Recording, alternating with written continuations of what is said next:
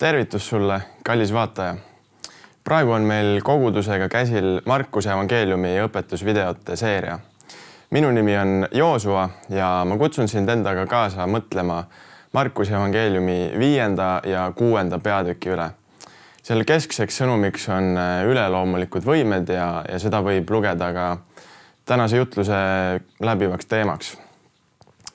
etteruttavalt ma võin öelda, et Need kaks peatükki räägivad muuhulgas ka kurjade vaimude väljaajamisest, tervendamisest, surnuist üles äratamisest ja vee peal kõndimisest.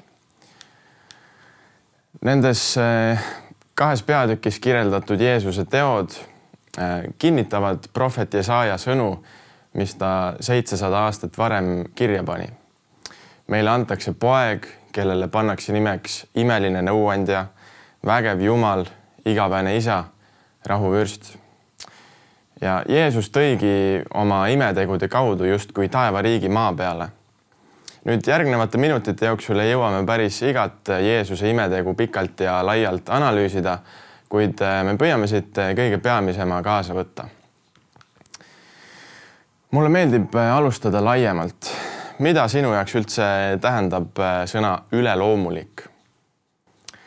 Minu jaoks, äh, minu arust on see väga ilus ja loogiline eestikeelne sõna. sõnaraamat ütleb, et üleloomulik on loomulikkuse piire ületav. kui juhtub midagi sellist, mida me pole harjunud nägema, mida tippteadlased ei oska füüsikaseaduste abil ära seletada või kinnitada või mis on suisa ebamaine. sellele pikemalt mõtlema jäädes ma jõudsin mõistmisele, et ka usk, ka minu enda usk kolmainu Jumalasse on üleloomulik. ma ju suhtlen iga päev äh, isikuga, maailma loojaga, keda ma ei näe ja füüsiliselt ei kuule, aga palvetamise ja tema sõna uurimise kaudu ma ju tajun, et ta on olemas, ta kuuleb mind ja ta armastab mind. võib-olla seostuvad sinul sõnapaariga üleloomulikud võimed, hoopis mingisugused äh, hirmutavad mälestused või, või halvad kogemused. on selleks mingite vaimude väljakutsumine, selgeltnägijate tuleproovi saade või midagi muud sarnast.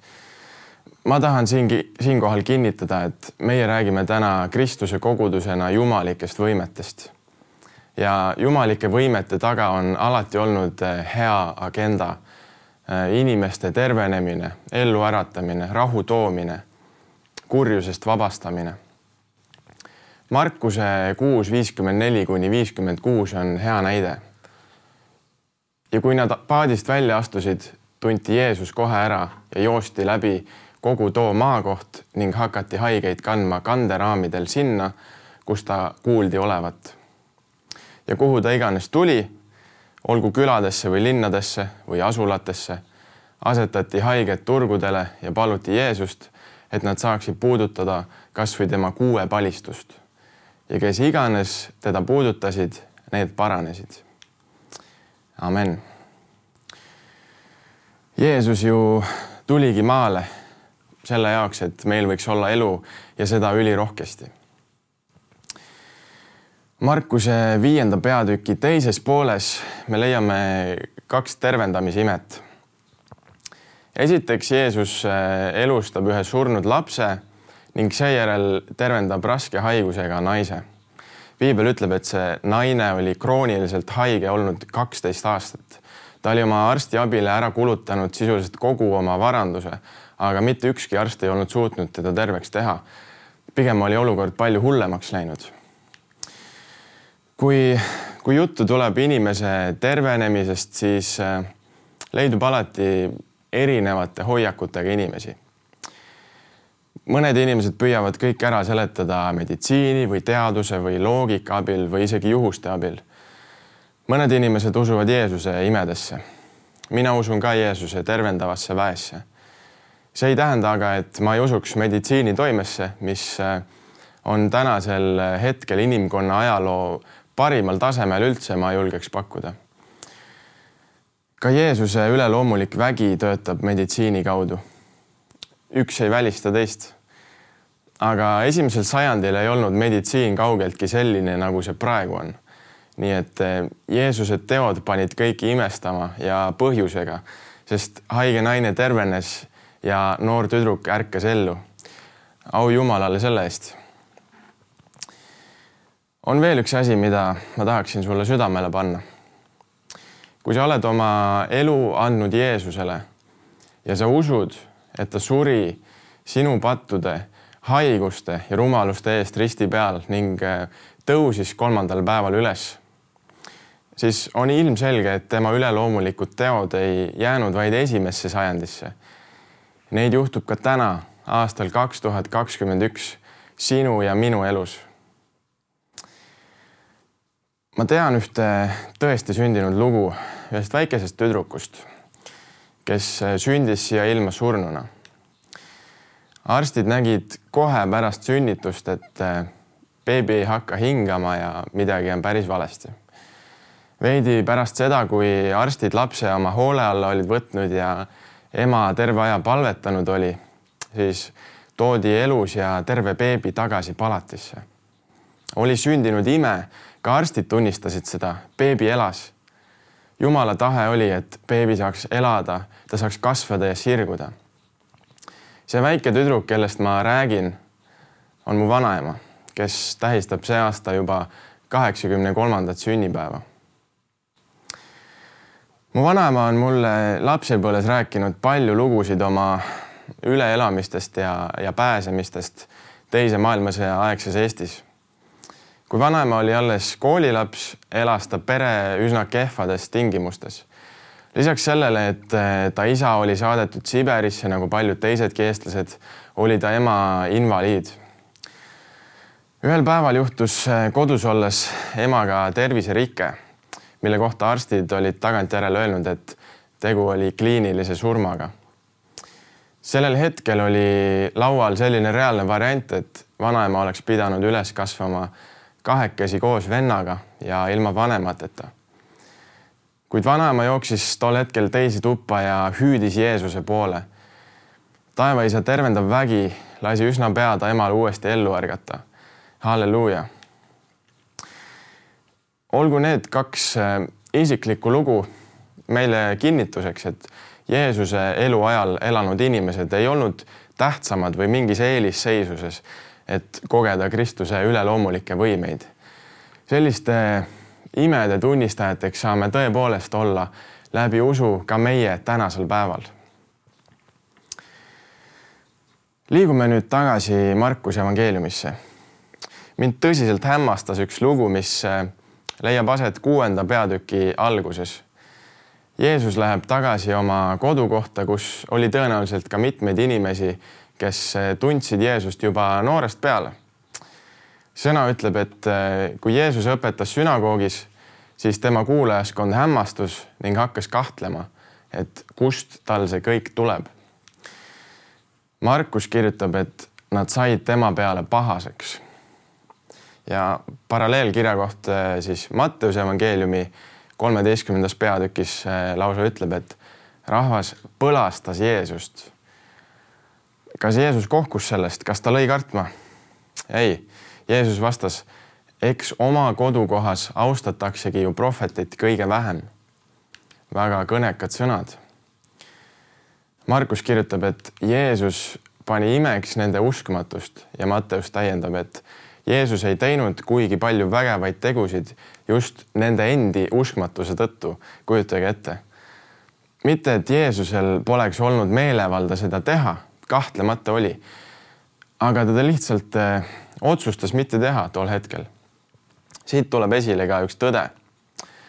kui sina igatsed, et Jeesus su elus imesid korda saadaks, siis sul peab ka usku olema olema usku, et Jumal teab, mis sulle on parim, et tema ajastus on täiuslik ja et ta saadab korda rohkem, kui me suudame ette kujutada.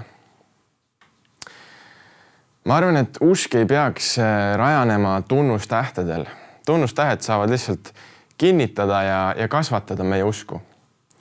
meie usk ei peaks olema Jeesuse imede järelprodukt, vaid ma arvan, see peaks olema meis juba enne seda, kui ta midagi korda saadab. tegelikult ta juba on suurima tunnustähe minu, sinu ja üldse kogu inimkonna jaoks teinud. Midagi sellist, mida sa ei ole ega saa kunagi välja teenida. aga Jeesus ei oota ka seda. see, millest ma räägin, on Kristuse ristisurm ja ülestõusmine surnuist. Jeesus suri vabatahtlikult, et sul võiks olla igavene elu. ma julgustan sind, võta see kingitus vastu me näeme nendes peatükkides Jeesusega kokku puutuva rahva ausat ja vahetut reaktsiooni nii tema õpetusele, aga ka imetegudele. siinkohal võid sina ise võtta hetke ja mõelda, et milline pealtvaataja sina võiksid olla või milline sa tahaksid olla. kas sa usud ja tunnistad, et eh, imelised olukorrad sinu või su lähedaste elus, kas nad on tõepoolest eh, üleloomulikud Jeesuse Kristuse teod või sa ajad kõik eh, paljuski juhuste kaela? kas sa tahad olla usklik või sa tahad olla umbusklik? valik on sinu, sinu enda kätes. Hebra üksteist kuus ütleb, aga ilma usuta on võimatu olla meelepärane, sest kes tuleb Jumala juurde, peab uskuma, et tema on olemas ja et ta annab palga neile, kes teda otsivad. amen hea küll, läheme edasi. ma jõuan rääkida veel ühest mõttest, mida ma tahan täna edasi anda. kõigepealt vaatame kuuenda peatüki kirja kohta, kus Jeesus annab oma jüngritele ülesanded. ta läkitas jüngreid kahekesi teele. see joonistab üsna mitmel pool evangeeliumis välja. Jeesus tahab tihti, et me läheks kahekesi koos. nagu ka öeldakse, üksi võib minna kiiresti, aga koos saab minna kaugele salmid kaheksa kuni üheksa ütlevad, ärge võtke teele kaasa midagi peale saua, ei leiba ega pauna ega vaskraha vöö vahele. sandaalid olgu seotud jalga, kuid ärge pange kahte särki selga. ma olen üsna ratsionaalne mees oma arust ja, ja see ei tundu mulle just kõige targem reisiks valmistumise plaan, kui ma ei võta süüa kaasa ühtegi varuriiet ma ka kaasa ei paki ja kõik raha, mis mul on, selle ma pean koju jätma. nii naljakas, kui see ka pole. ühest küljest oli tegemist tolleaegse juudi kultuuri külalislahkuse näitajaga, kus siis äh, rändjutlustaja sõltus äh, kohalike inimeste abist ja armust ja, ja seda eelkõige just sellel põhjusel, et mitte näida üleolev ja võõras seeläbi said ka tekkida usaldus ja usalduslikud suhted kuid minu jaoks eriti kõnekas on siit välja joonistuv Jeesuse tõotus. mina varustan teid. tulgu, mis tuleb, tema on alati meiega ega jäta meid. me ei saa toetuda üksnes omaenese mõistusele, vaid me peame usaldama Kristust, kes meid varustab kõigega, mida me vajame. kui Jeesus meid läkitab, siis uskuge mind ta ei jäta varustamata. põikame siit korraks tuntud loosse, mis algab äh, kolmekümnendast salmist. siin teeb Jeesus oma järjekordse imeteo. ta on näljase ja väsinud rahvamassi keskel ja võtab ainukese saadaval oleva toidu, milleks on viis leiba ja kaks kala. ja Jeesus võttis need viis leiba ja kaks kala, vaatas üles taevasse, õnnistas ja murdis leivad ja piibel ütleb, et sellest said söönuks viis tuhat meest. ei tasu ka mainimata jätta, et toitu jääb üle kaksteist korvitäit. jah, tundub uskumatu, et peotäiest toidust saab kõhu täis põhimõtteliselt terve Rapla linnatäis inimesi. aga Jeesus Kristus ongi kõikvõimas. kui võtta kokku see, kuidas Jeesus oma jüngreid teele läkitas ning see lugu toidu paljundamisest, siis jääb kõlama üks keskne mõte. jumal kasutab seda, mis meil juba olemas on. ja ta vormib sellest midagi imeilusat. me ei saa ennast lõputult lihvida, vaid kui laseme alandlikus meelsuses ja pidevas arengus ennast kasutada, siis see meeldib Jumalale. ma ei tea, kas sa nõustud siinkohal minuga, aga mulle tundub, et me ei saa kunagi millekski täiesti valmis olla siinkohal ka väike julgustus perfektsionistidele. inimesena sa ei saa kunagi lõputult treenida, et olla täiuslik. kui mind ennast ootaks näiteks ees eh, kümneminutiline trummisoolo välja müüdud Saku Suurhallis, siis tõesti, ma harjutaksin sellest, eh, selle jaoks ilmselt eh, päris mitu nädalat ja nii palju, kui ma vähegi saaks. aga kui see päev ükskord kätte jõuab ja tuleb lavale minna, siis tulebki lihtsalt minna ja endast parim anda samamoodi ma arvan, eh, esimest korda lapsevanemateks saav paar ei ole samuti selles rollis kunagi varem olnud. tõsi, saab lugeda mitmesuguseid eh, laste kasvatamisraamatuid ja kuulata targemate inimeste nõu. aga kui aeg kätte jõuab, siis tihti avastavad vanemad ennast äh, alguses ikka päris külmast veest mulle meenub, kui ma tegin paar aastat tagasi autojuhi lube. kuigi meil oli sõiduõpetajaga päris hea läbisaamine ja klapp ja ma näitasin ka pidevalt äh, arengut, siis viimane sõidutund oli kuidagi selline kummaline. mu õpetaja oli arvamusel, et äh, niipea minust veel asja ei saa, tuleb kõvasti harjutada ja sõidueksamile ei ole mul ka veel mõtet isegi proovima minna. no hea küll, ma mõtlesin muidugi ma käisin äh, isaga harjutamas ja liiklusega kohanemas ja ma tundsin ennast üha kindlamana. mingil hetkel avastasin ennast olukorrast, kus sisuliselt kolme nädala jooksul ma tegin ühe katsega ära kõik neli vajalikku eksamit, sest eksamiajad järjest muudkui vabanesid ja ja ma lihtsalt kuidagi külma kõhuga lihtsalt äh, registreerisin ennast aina järgmisele ja järgmisele. maanteeameti sõidueksami aeg äh, vabanes tegelikult ka alles paar õhtut varem ja, ja see toimus sisuliselt võõras linnas. ma palvetasin palju, et Jumal annaks tarkust ja, ja et tema tahe sünniks. ning eksami ma sooritasin vist ühe väikese veaga ja saingi omale juhiload. kuid siin läheb lugu edasi. paar kuud hiljem ma sain endale töökoha, mis äh, sisaldas päris palju autodega sõitmist igapäevaselt siis ma nägin, et see oli tõeline jumala ime kui ma oleksin jäänud kuulama oma sõiduõpetaja sõnu, siis kes teab, võib-olla ma oleksin veel aasta aega käinud proovisõitu tegemas ja eksamitel järjest põrunud. ärge saage nüüd minust valesti aru. ma ei ütle, et inimene ei peaks ise vaeva nägema. ma ei kutsu kedagi üles hulljulgusele ja, ja mulle väga meeldib ka ennast olukordadeks ette valmistada, ennast harida, ennast arendada ja, ja oma asju planeerida sedasama jutlust ma kirjutasin ja planeerisin ka aegsasti. ma ei tulnud siia niisama tühja lehega puusalt panema, nagu öeldakse. aga me ei saa raisata enda potentsiaali, et oodata parimat hetke. et millal teha järgmine samm. Jeesus kutsub meid seda tegema juba praegu. praegu ongi parim hetk. läbi ajaloo on Jumal tihtipeale kasutanud inimesi, kes on tundnud, et nad pole veel valmis kõige suurema austuse juures meie usuisade vastu on äh, siiski teada mõned asjad, kui me vaatame piiblisse. kuningas Taavet oli süüdi teise mehe mõrvas ja rikkus abielu. Paulusel oli jälle nõrk tervis ja ta oli enne kristlaseks saamist kümnete kaupa kristlasi vangistanud ja hukata lasknud.